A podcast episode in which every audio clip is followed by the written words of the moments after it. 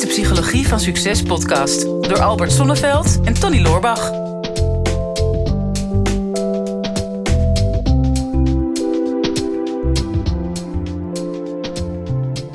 Ja, lieve kijkers en luisteraars, we zitten er weer helemaal klaar voor. Jij zit er ook weer helemaal klaar voor. Ik wel. Ik, uh, ik ben wel heel benieuwd wat dit onderwerp ons gaat brengen. Want uh, ik ben super excited eigenlijk. Ja, voor ons uh, vijfde interview alweer. Ja. Een tijdje geleden met een nieuwe reeks gestart. Elke maand een inspirerende gast aan tafel. En vandaag een ja, misschien wel meer dan inspirerende gast. Ik hoop Adrienne, het. welkom. Dank je. Hoogbegaafdheid-expert, hooggevoeligheid-expert. Vat ik dat goed samen? Dan? Vooral hoogbegaafdheid. En hoogsensitiviteit gaat wel samen vaak met hoogbegaafdheid. Maar het is ook soms weer net iets anders. Dus ik richt me echt op hoogbegaafdheid. Mm. Met soms kleine uitstapjes nog naar hoogsensitiviteit. Ja, ja. mooi. Ja. En um, ik neem aan, hè, je bent zelf hoogbegaafd. Ja. Wat, wat heeft dat voor jou betekend, alleen al het weten dat je hoogbegaafd bent? Ik denk dat dat uiteindelijk het belangrijkste is. En ik zeg ook heel vaak, weet je, uh, of je nou hoogbegaafd noemt of je noemt het iets heel anders. Het gaat er vooral om dat je begrijpt wat het betekent en wat het voor jou betekent. Want uh, betekent dat je anders bedraad bent, dat je anders tegen dingen aankijkt, dat je wat intenser waarneemt, dat je soms stappen voorloopt op mensen om je heen. En als je dat niet weet, dan denk je de hele tijd dat er iets gebeurt in de wereld wat jij niet begrijpt, maar ook dat je jezelf niet genoeg begrijpt om te kijken wat is dan mijn plek in de wereld.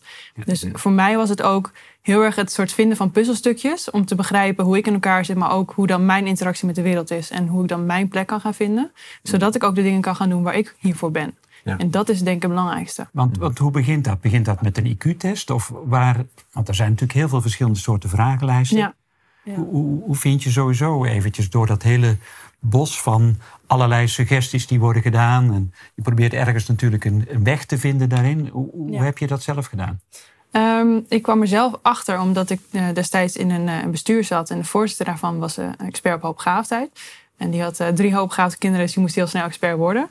En daar had ik heel veel, eh, heel veel mooie gesprekken mee. En op een gegeven moment eh, was ik daar heel random, zei ze tegen mij: Ja, maar weet jij dan niet dat je hoogbegaafd bent? En toen dacht ik: Nou, die maakt een grapje. Die zit me gewoon in de zeik te nemen hier. Want het, weet je, ik ben helemaal niet eh, het toptalentje. Mij gaat niet alles makkelijk af. En bij mij gaat niet alles in één keer goed. Dus ik dacht heel erg aan ook de misvatting over hoogbegaafden. Dat je dan inderdaad super succesvol bent. Dat alles wat je aanreikt in goud verandert. Dus daar herkende ik me helemaal niet in. En zij nam me heel erg mee in wat hoogbegaafde nou eigenlijk is. En toen dacht ik, ja, maar daar herken ik me wel in. Dus voor mij was het heel erg dat stukje begrijpen. Ja. Eh, en vanuit daar inderdaad kijken van, oké, maar hoe, hoe eh, vertaalt hoogbegaafd zich dan naar wie ik ben en wat ik nodig heb?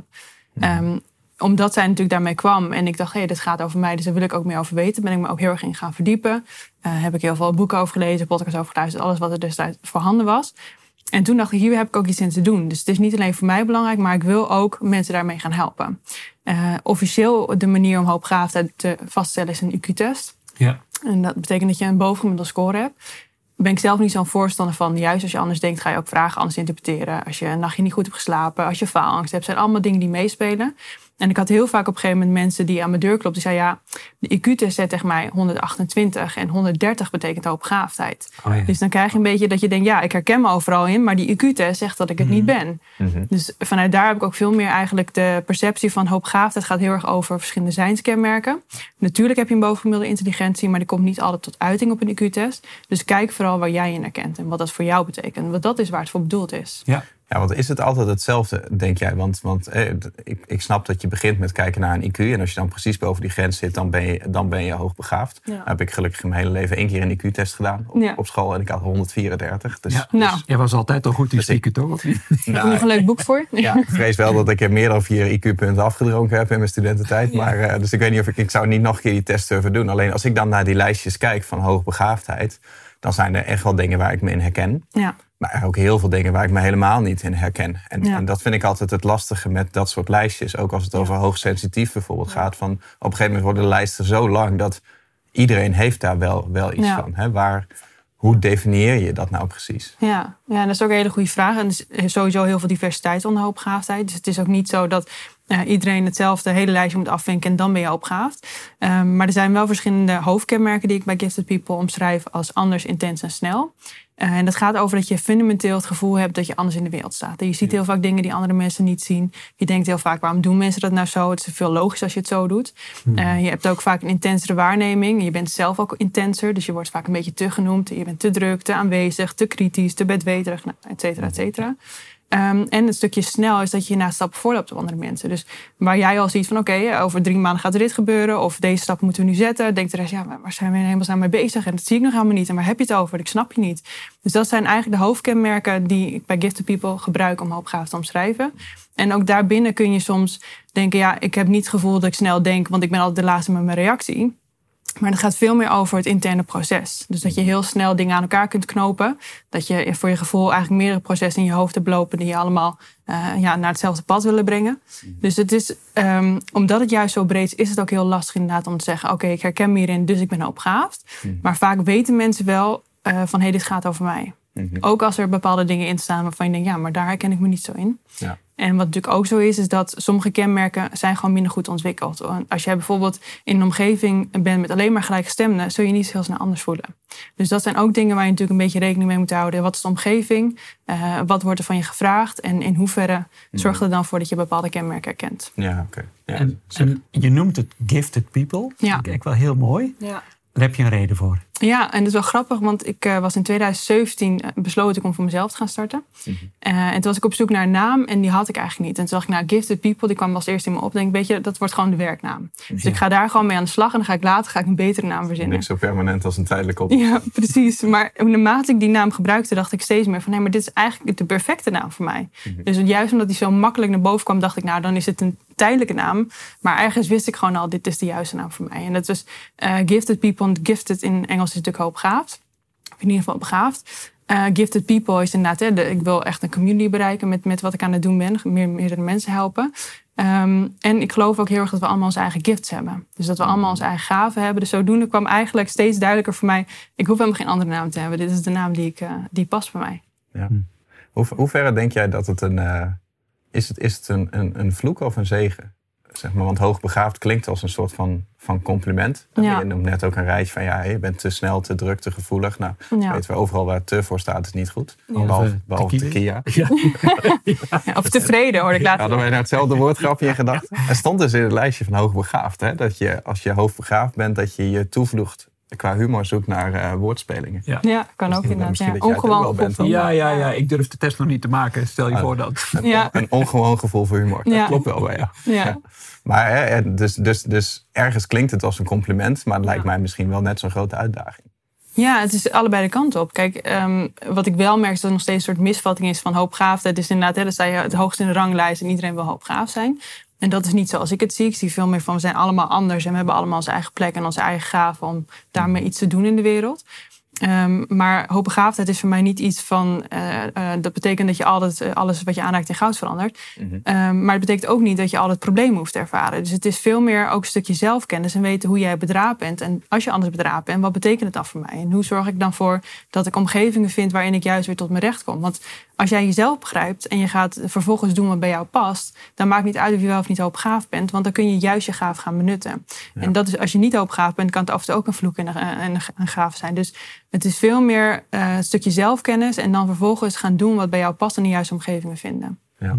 En hoe is, dat, hoe is dat als ondernemer? Want jij bent natuurlijk ook ondernemer. Ja. Heb je daar heb je er voordeel van, denk je? Ik heb er heel veel voordeel van ervaren.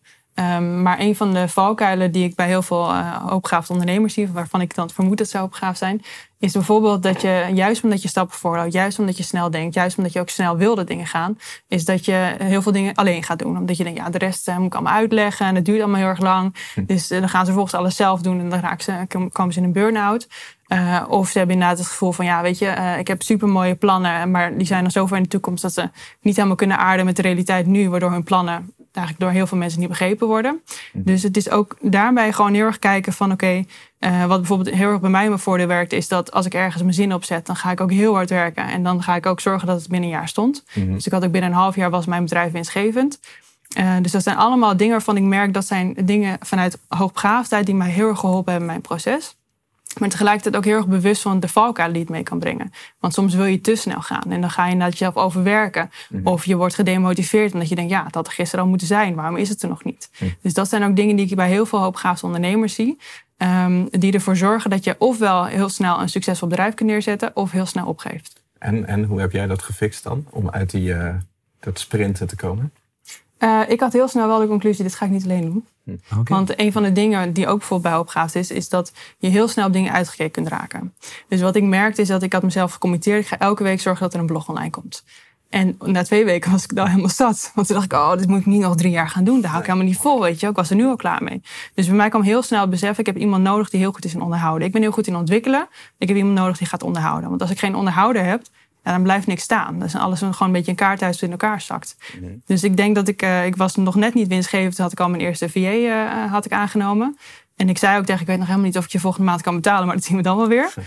En dat, ik merkte wel dat dat was voor mij al gelijk een soort van, oké, okay, dit geeft me al zoveel rust. En het geeft me al zoveel uh, meer mogelijkheden om te richten op de dingen waar ik wel goed in ben. Mm -hmm. En ik weet nog wat, dat was voor mij een soort eye-opener. Ik had, uh, had ik mijn blog uitbesteed bij haar. Ik, ik schrijf altijd zelf, maar zij ging dan versturen en online zetten. En elke zaterdag, sinds 2017, elke zaterdag om 12 uur gaat mijn blog eruit. En toen zat ik op mijn bed. En toen zat ik zo. En toen zag ik iemand anders nou mijn blog aan het versturen.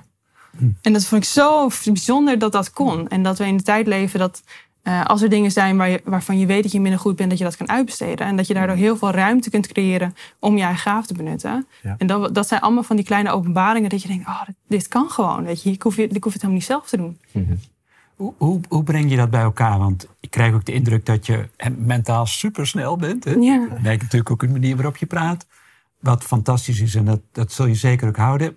Kun je dat koppelen met je lijf, met je emoties, kun je die bij elkaar brengen? Want ik kan me voorstellen dat dat soms ook een struggle is. Want Ja. dat je hè, niet alleen qua werk en omstandigheden te snel gaat, maar dat je lijf misschien ook zegt van wow, ik kan dit niet Ja. bijhouden. Of Ja. dat je emoties zeggen van wow, eh, nu kom ik ergens in de squeeze terecht. Hoe werkt dat precies?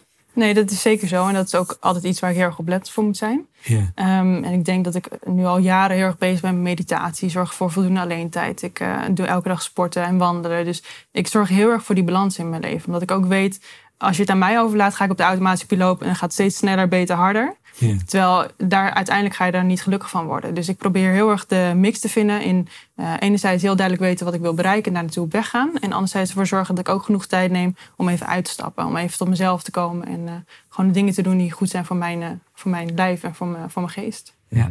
Want voor, je- voor jou is het waarschijnlijk gewoon een proces geweest vanaf het moment dat je realiseert van oké, ik, ik ben hoogbegaafd. Of in ieder geval, je hebt bepaalde kenmerken daarvan. Ja. Waarvan je weet van oké, nou dat, dat hoort bij mij en daar moet ik iets mee. Dat lijkt me, dan wordt het een, een reis om erachter te komen van Ja. hoe je dat een beetje kan balanceren. Ja. Maar als jij andere mensen hiermee helpt, waar, waar begint dat dan meestal?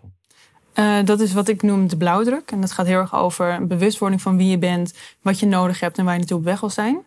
En vanuit daar ga je dingen proberen. Dus als jij merkt van hé, hey, ik eh, wil graag een werkomgeving waarin ik eh, twee dagen thuis werk, dan ga je proberen om in jouw werkomgeving nu of in jouw toekomstige werkomgeving dat te gaan doen.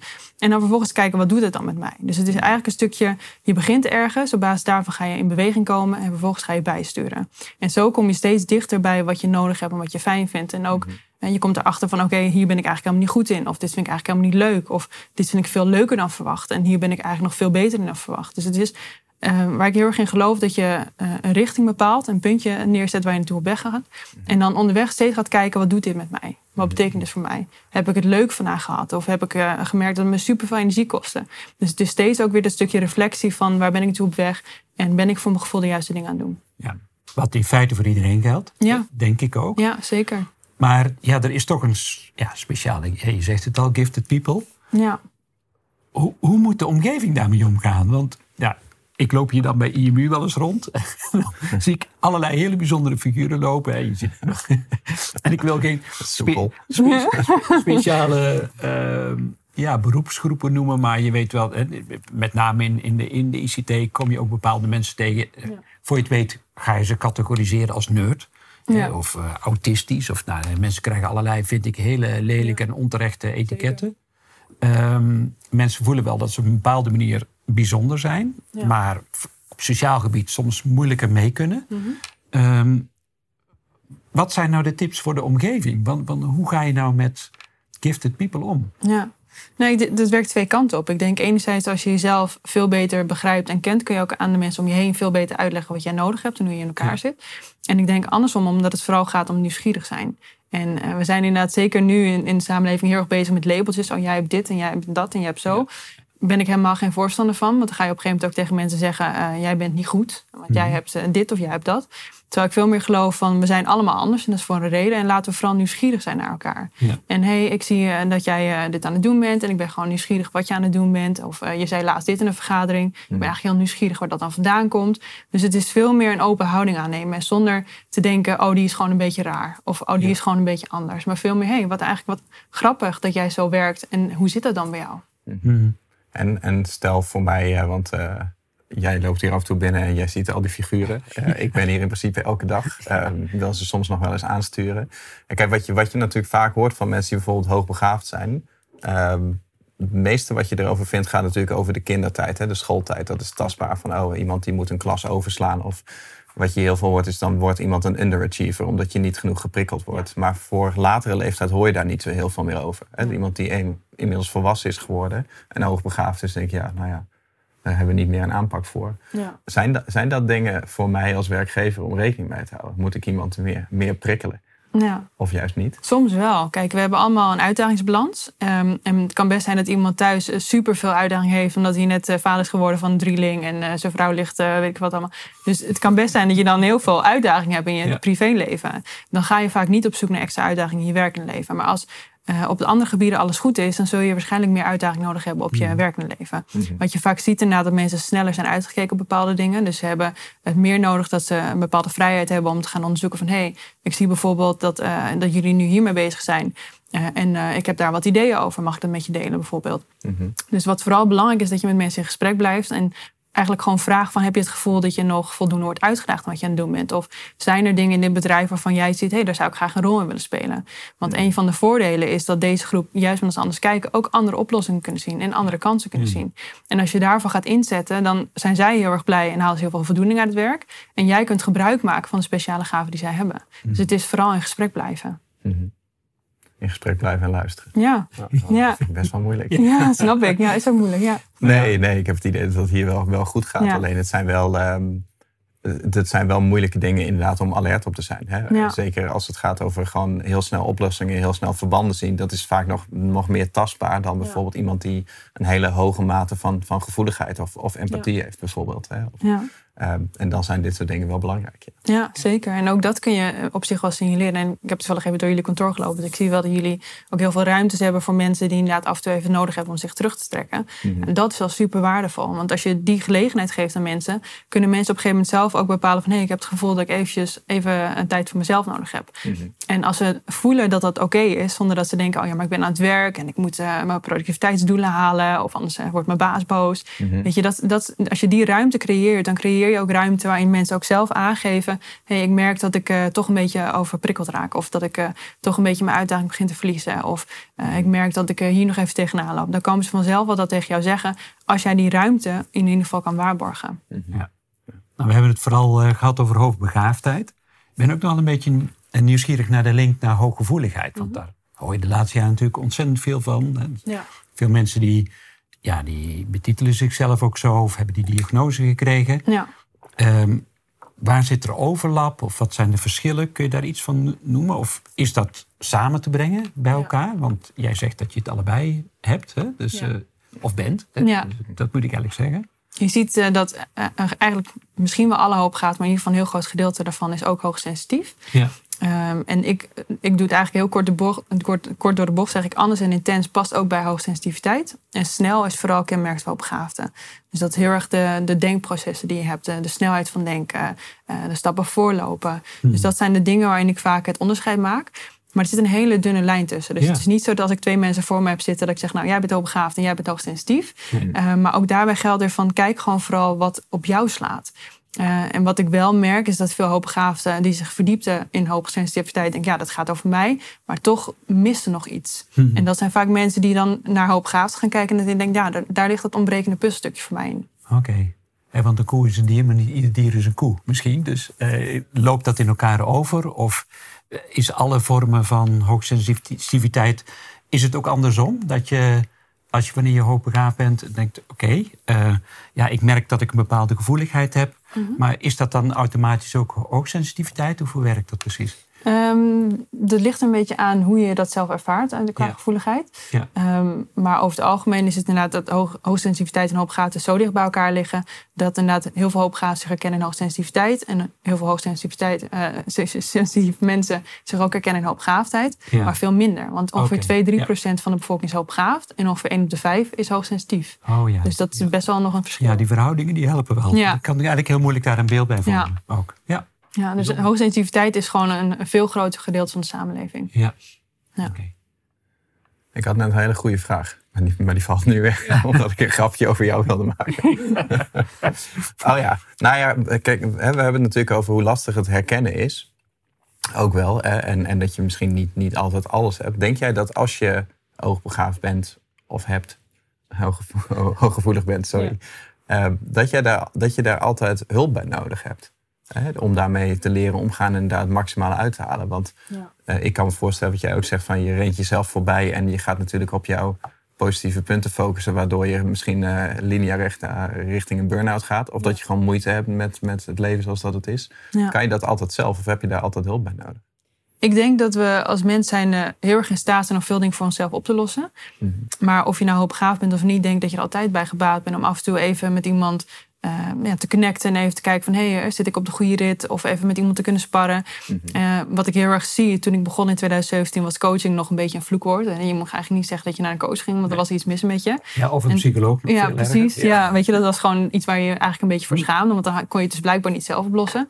En nu zie ik veel meer dat het ook normaal is geworden. En ik denk dat het heel goed is. Want eh, we zijn als mens niet op aarde gezet om het allemaal zelf uit te zoeken. Er zijn zoveel mensen die al een pad hebben belopen. Die al antwoorden hebben op onze vragen. Dus hoe meer je juist gebruik maakt van de kennis van andere mensen. Hoe makkelijker je ook je eigen weg gaat vinden. Het hoeft niet allemaal heel moeilijk en heel zwaar te zijn. En dat is wat ik wel zie vaak bij hoopgaaf. Is dat ze te veel denken, ik kan het ook alleen uitzoeken. Ik ben toch slim genoeg. Eh, of eh, ja, dan moet ik met die coach in gesprek. En dan snapt hij weer niet waar ik het over heb. En daardoor gaan ze niet naar een coach toe. Terwijl ik juist geloof dat je heel erg gebaat bent. Bij even iemand anders die met je meekijkt. En even een stukje reflectie biedt. Ja, want ik, ik kan me voorstellen dat je, dat je misschien ook bovengemiddeld in staat bent om te analyseren. Ja. En om Ja. jezelf te analyseren. Ja, zeker. En om veel, misschien veel meer verbanden te leggen dan, Ja. dan, dan dat goed voor je is. Ja. Ben je ook bovengemiddeld eigenwijs dan, of niet? ja, dat is zeker wel een heel duidelijk kenmerk. Ja, ja. Ja, ja. het lijkt mij wel, als, je, als jij heel goed kan analyseren, dan, dan ligt overanalyse natuurlijk op de loer. hè. Ja. En, en, en het zelfoordelende wat daarbij hoort. Ja. En ik denk dat als je in die spiraal komt van heel goed je eigen gedrag kunnen analyseren.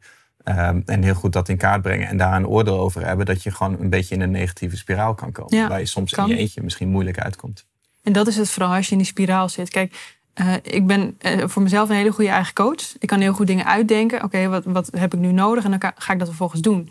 Maar op het moment dat ik merk dat ik heel veel dingen aan het eh, denken ben, overdenken ben. En ik blijf een beetje in die cirkel hangen van ik doe niks, maar ik ben er wel heel veel over na aan het denken. Ja, dan heb je iemand anders nodig, want daar kom je zelf niet uit.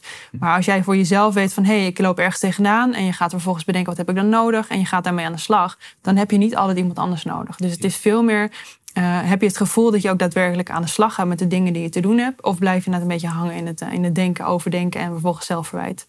Nou heb je een boek geschreven, Nooit meer ruzie met je baas. Ja, Is dat de reden dat je voor jezelf bent begonnen? Ja, nee.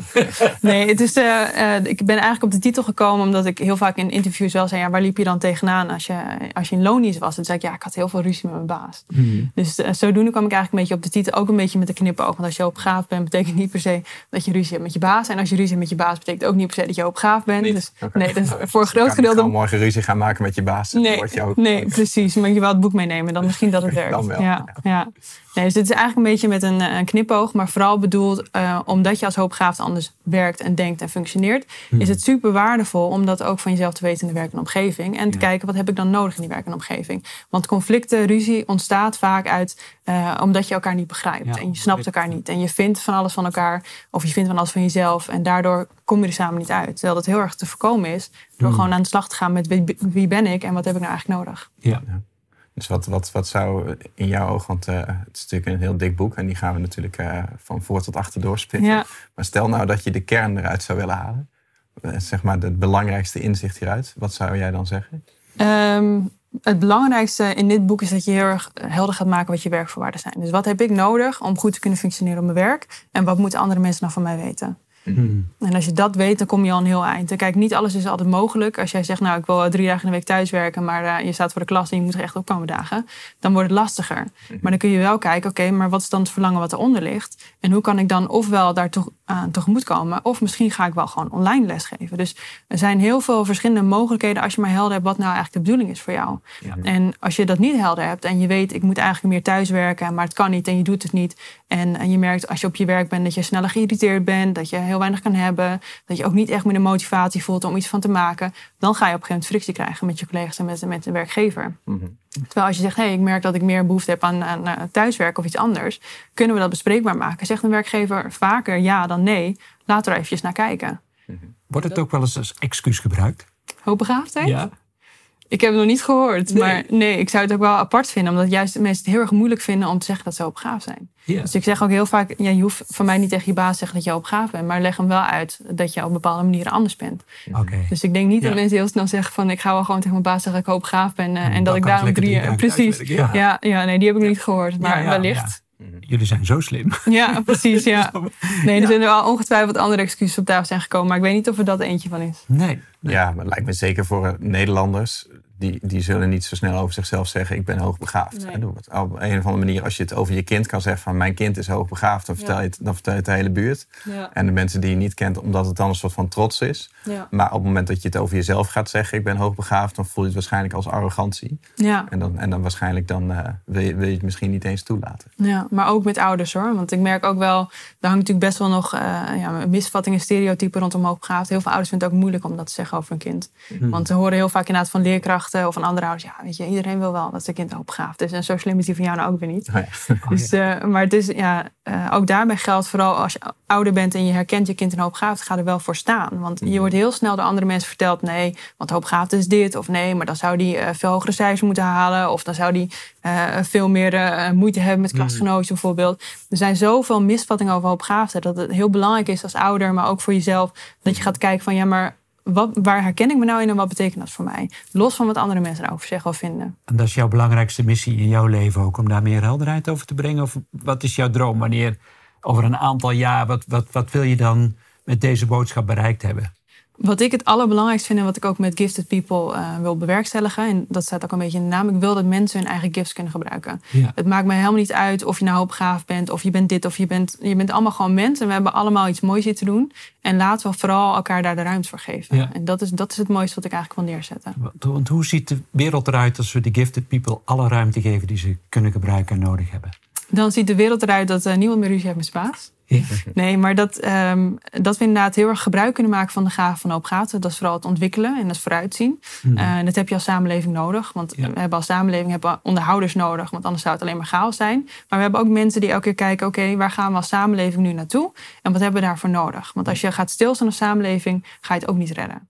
En nu merk je dat heel veel mooie ideeën... en dat is ook iets wat in mijn toekomstplannen staan... heel veel mooie ideeën van hoopgaafden worden nog niet helemaal begrepen worden niet helemaal van gezien waarom het zo belangrijk is. En dus worden ze aan de kant geschoven. En dan kom je over tien jaar in één keer erachter dat dat één idee, tien jaar geleden, eigenlijk toch best wel heel handig was geweest als we dat nu al hadden gedaan. Dus op het moment dat iedereen de ruimte heeft, dan worden dat soort ideeën ook veel meer ontvangen. En veel meer vanuit openheid gezegd van oké, we snappen het niet helemaal, maar ga het maar gewoon doen. En dan kijken we later wel of we het nodig hebben. Ja, gaaf. Ja, heel gaaf. Ja, we kunnen hier echt nog uren over doorpraten. Ja, Ja, jij gaat er natuurlijk nog over doorpraten. ik ga er nog uren over doorpraten. Want eh, als dit interview live gaat, dan eh, overmorgen ga jij eh, een training geven in Brein TV natuurlijk. Ja, waar je ook eh, vragen gaat beantwoorden voor mensen die hiermee te kampen hebben of eh, die hier gewoon meer over willen leren. Ja. Ehm, en natuurlijk is iedereen tegenwoordig al lid van Brein TV, dus waarschijnlijk gaat iedereen erbij zijn. ja, En is het boek al bijna overbodig, maar ja, ik verwacht het. we gaan, we gaan er toch een paar weggeven. Ja. Tenminste, jij eh, was zo lief om er een paar eh, beschikbaar te stellen aan onze trouwe volgers. Ja, Dus ja, en mensen die ons al een tijdje volgen, dan weet je natuurlijk wat, eh, wat de deal is. Hè? Als jij dit geniale boek Nooit meer ruzie met je baas wil winnen, helemaal gratis. Ehm, ga dan even naar de YouTube-versie of als je daar al zit, laat even een reactie achter in de comments onder deze YouTube-video met ja, wat je van dit gesprek vond, wat je inzichten zijn geweest of ja, wat nou jouw specifieke reden is waarom jij dit boek voor jezelf of misschien wel voor iemand in jouw omgeving waar je nu meteen aan denkt als je dit gesprek hebt geluisterd. Denk van nou, diegene die zou echt dat boek moeten hebben. Laat even een reactie achter, dan kiezen wij daar een aantal leuke, leuke reacties uit. Ehm, en die sturen wij het boek eh, helemaal, eh, helemaal gratis toe. Ben ik dan nog iets vergeten? Volgens mij ben je echt helemaal compleet. Ja, Ah, ik ben nog één ding vergeten. Want jij hebt natuurlijk ook nog een, eh, een e-book. Ja. We, Ja. gaan natuurlijk niet, eh, we kunnen helaas niet iedereen dit fysieke boek geven. Maar we hebben natuurlijk wel voor iedereen iets. Dus we gaan ook even eh, jouw e-book daarbij vermelden van je website. Eh zetten een linkje in de YouTube-beschrijving. Dus als je nou onderweg deze podcast hebt zitten luisteren... heb je nu weer een extra reden om even naar YouTube toe te gaan. Eh, klik even de omschrijving open en dan vind je een linkje naar de website van Adrienne. En daarin kan je een gratis e-book downloaden over, eh, over hoogbegaafdheid. En ik heb hem al even gelezen en eh, ja, die, die, die wil je gewoon. eh, Die wil je gewoon ja. Dus eh, dat gezegd hebbende, dankjewel voor, Ja. dit, voor dit gesprek. Adrienne, echt super. Ik vond het heel inspirerend. Ik ga me er echt helemaal in verdiepen. En, Leuk. eh, leuk. Ik denk dat je ontzettend goed werk doet hè, voor jezelf, voor de wereld. En heel veel succes met alle goede dingen die je doet. Dankjewel. Is de Psychologie van Succes podcast door Albert Sonneveld en Tony Loorbach.